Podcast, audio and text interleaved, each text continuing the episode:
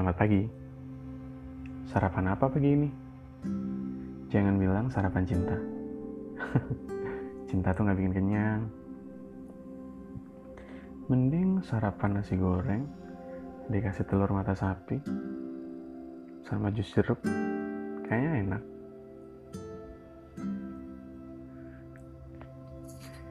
Kali ini aku bakal ngebahas soal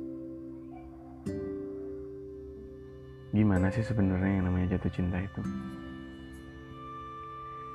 Dan menurut kalian kenapa seseorang bisa jatuh cinta sama orang lain? Padahal kalau dipikir-pikir kita pasti pernah melihat seseorang yang lebih dari dia. Seorang yang pokoknya wah dia tipe aku banget sebenarnya. Cuman Jatuh cinta bukan perkara itu.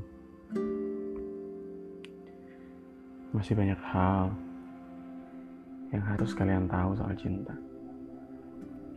Aku juga gak ngerti sih sebenarnya jatuh cinta itu seperti apa. Tapi yang pasti, rasa itu datang secara tiba-tiba. Entah sebabnya apa, tapi jatuh cinta emang perasaan paling indah sedunia. Walaupun yang namanya jatuh cinta itu punya resiko terluka juga. Tapi, aku akan lebih memilih terluka daripada nggak pernah merasakan yang namanya jatuh cinta. Karena apa? Kita nggak akan pernah ngerasain sakit kalau kita nggak pernah ngerasain bahagia. Semua bakalan gitu-gitu aja semua bakal datar-datar aja. Gak asik kan? Perkara mencintai memang rumit. Sebenarnya nggak terlalu rumit sih. Kalau dari dua sisi saling mencintai, itu akan menyenangkan. Tapi kalau cuma satu sisi saja yang berjuang, itu mungkin berat. Tapi satu hal, sesuatu memang kadang layak diperjuangkan. Jadi, kenapa harus berpikir dua kali untuk memperjuangkan seseorang?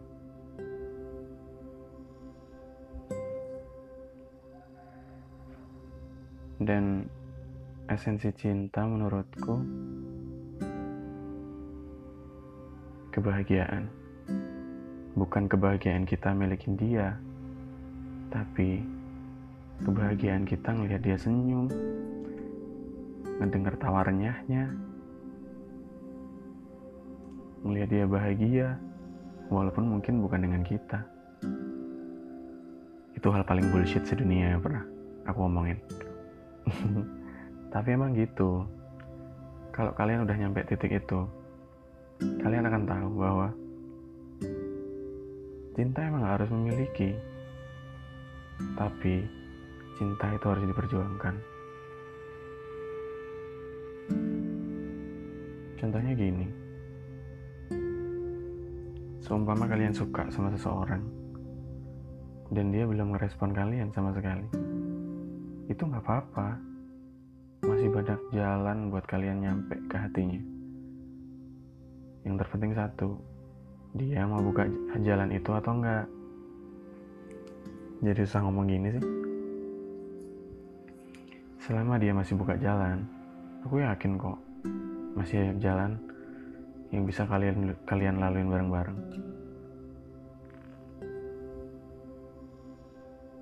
Dan yang namanya rasa itu kita yang ciptain.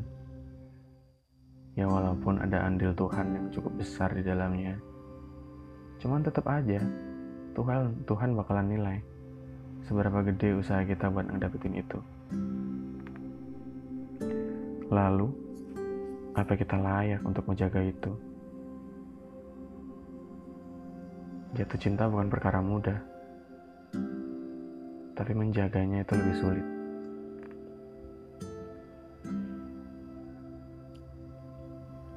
Aku pernah ngerasain jatuh cinta sedalam-dalamnya sama seseorang. Tapi setelah aku pikir-pikir, kayaknya aku jatuh cinta sama dia karena dia baik, karena dia cantik.